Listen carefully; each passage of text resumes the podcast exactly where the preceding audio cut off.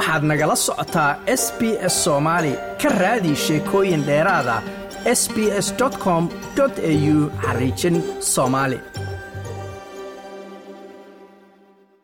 waxaan waraysi dheer la yeelanay saada cabdikariim oo ah gabar u ololeysa arrimaha bulshada. Oo fadhigeedu yahay magaalada sydney anoo ka waraystay gudniinka fircooniga iyadoo caalamka laga xuseeyey ciribtirka ama sida loola dagaalamo gudniinkaasi fircooniga. Qaybtii labaad ee waraysigan ayaan weydiiyey saada bal doorka raggu uu ka qaadan karo arintan lagu ciribtirayo waxayna tiri aad aad iyo aad way u yeelan karaan sababto ah bulshada laguu sheegayo maaha dumar keliya. Bulshada waa rag dumar ciyaal family reero dhan dadka waa jaaliyad dhan dad isla wada socda. Maadaama ayaga ragga yani waa inay sheegtaan waa inay kaalin ka qaataan wixii dhibaayo hooyadeed iyo hooyadiisi walaalkiisi iyo walaashiisi iyo qof walba. Hadday tahay wax dhaqan xumo ah waa in laga had oo la dhahaa. Aan ka hadalna aan dhahna waxaan aan iska dayno oo masaajidada iyo meel walba laga hadlaa.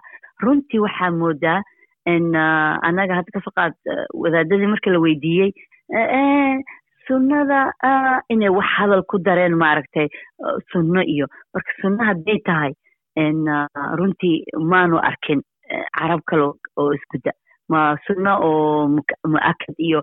Ayaga marka haddii ay tahay diin ahaan in laga hadlo in la yidhaahdo war waxaan aan iska goyno ilaahay ma minaha waad aragtay qur'aankii hota ilaahay noo diidaya dad oo calaamado xoolaha u sameeya oo dheg ka jara iyo sumad iyo waxyaabo loo baahneen oo masalan wax ilaahay wuxuu sameeyey qurux buu abuuray. Yani wax walba ilaahay kaamil buu ka dhigay qurux buu ka dhigay. Marka haddii annaga aan rabno inaan wax ka bedelno waa in arrintan oo aan ka hadalnaa oo aan aan mamnuucnaa so ragga kaalin weyn bay ka qaadanayaan. Waa inay ay ku dhex jiraan oo laga wareystaa aysan ahayn wax arrin dumar ku saabsan. Waayo ayaga way qosaysaa. Dhanka sharciga laga fiiriyo dalkan australia waddankao dhan ma ka mamnuucba gobollada qaarkood miyuu mamnuuc ka yahay?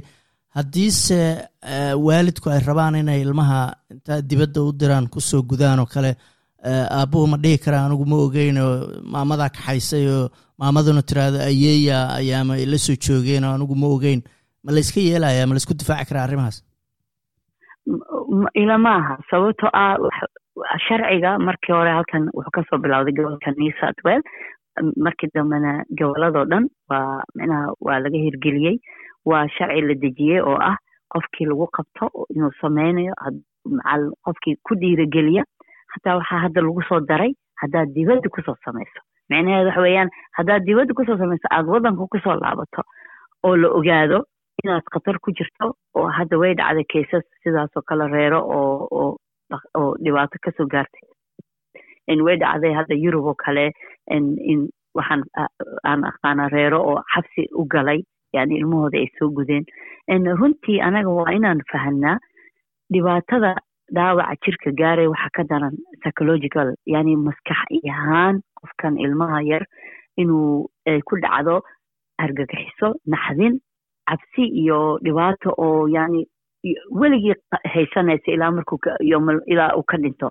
Yani waxyaabaha ay rabaan ay dabargoynayaan waxyaabahaasa ka mid a waxay dhahaan childhood trauma yani trauma markuu dhibaato ku soo gaaro cabsi ah baqdin ah oo qofka naftiisa ku soo xaadira dhibaatooyin kale ay keenaysaa marka taasay rabaan inay joojiyaan marka saas ayaa sharciga oo loo adkeeyey.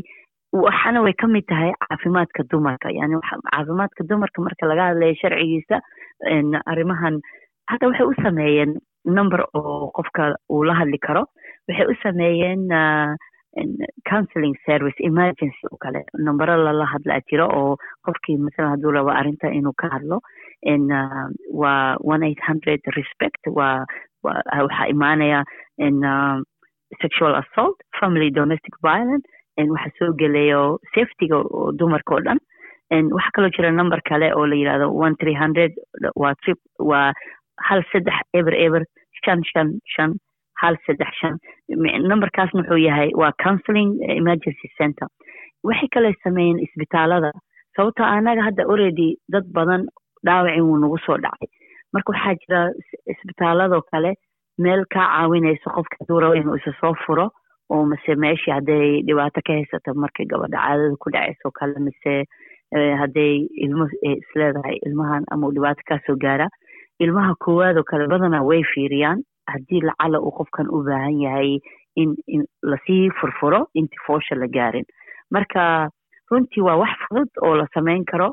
Dhakhtarkaad u sheegaysa local doctorkaaga mise annaga hadda xaafadaheenoo kale takhasus bay ku sameeyeen oo waywa yaqaanaan sida loo furo sida loo talo marka waa wax waxaa jira servisyal badan loo sameeya dumarka oo ka caawinaya caafimaadkooda.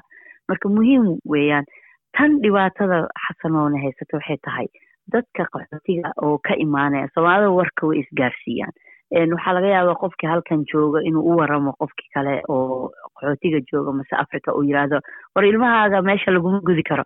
In gabdhihii yaryaraa oo shan jir lix jir xataa oo la soo gudo sababta waxay og tahay inaynan ka helaynin qof halkan u sameynaya australia. Marka taana waa waa dhibaato weyn oo naga haysata xagga dadka cusub oo imaanaya inay ilmahooda soo gudaan. Intaysan halkan imaanin marka taas waxaaba dhici kartaba dowladdu inay mar dhow la timaado qofkii raba inuu australia soo galo karo waa inuu caddeeya ilmaha inuusan gudin.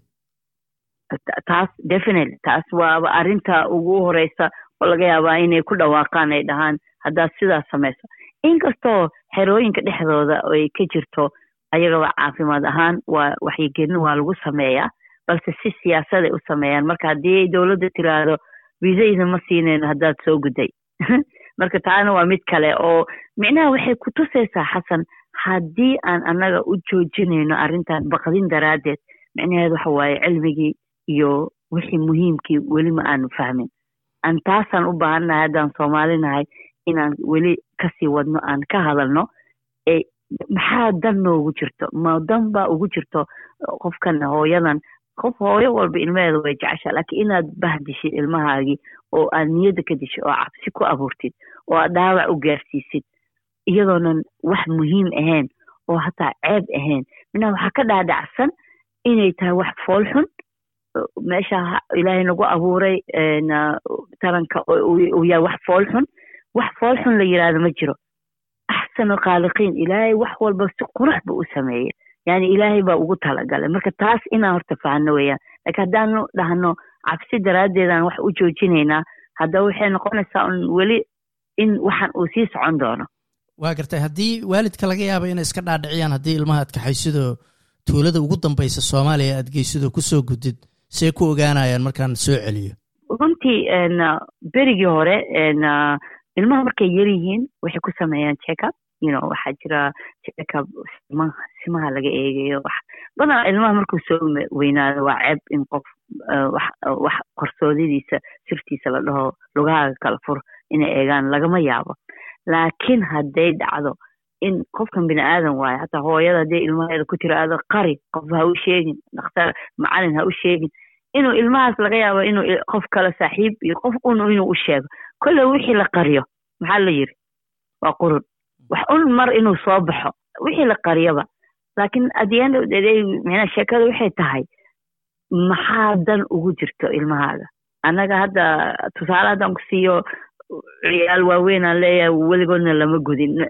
Muhiimna maaha in la gudo. Yani haddii qof dhibaato ka haysato hadda badankeen annaga bulshada aan halkan ku wada barbaarnay ilmaha ku korsanay wax guday mise wax soo guday weli maanan maqlin waxaan rajaynayaa in cilmigan uun ahaado wax aan haddaan soomaalinahay inaan ka hadalno inaan aan cilmiga u doonano aan meel walba aan ka raadsano o aan dadka iswareysano in aan ka kaaftoonno wixii dhibaato nafteena noo ah oo yani bulshada iyo nafteena oo dhibaato u keenaya taasina waxay ahayd saado cabdikariim oo khadka telefoonka ee magaalada sydney iigu waramaysay like aas la wadaag wax ka dheh lana soco barta facebooka ee sb s soomaali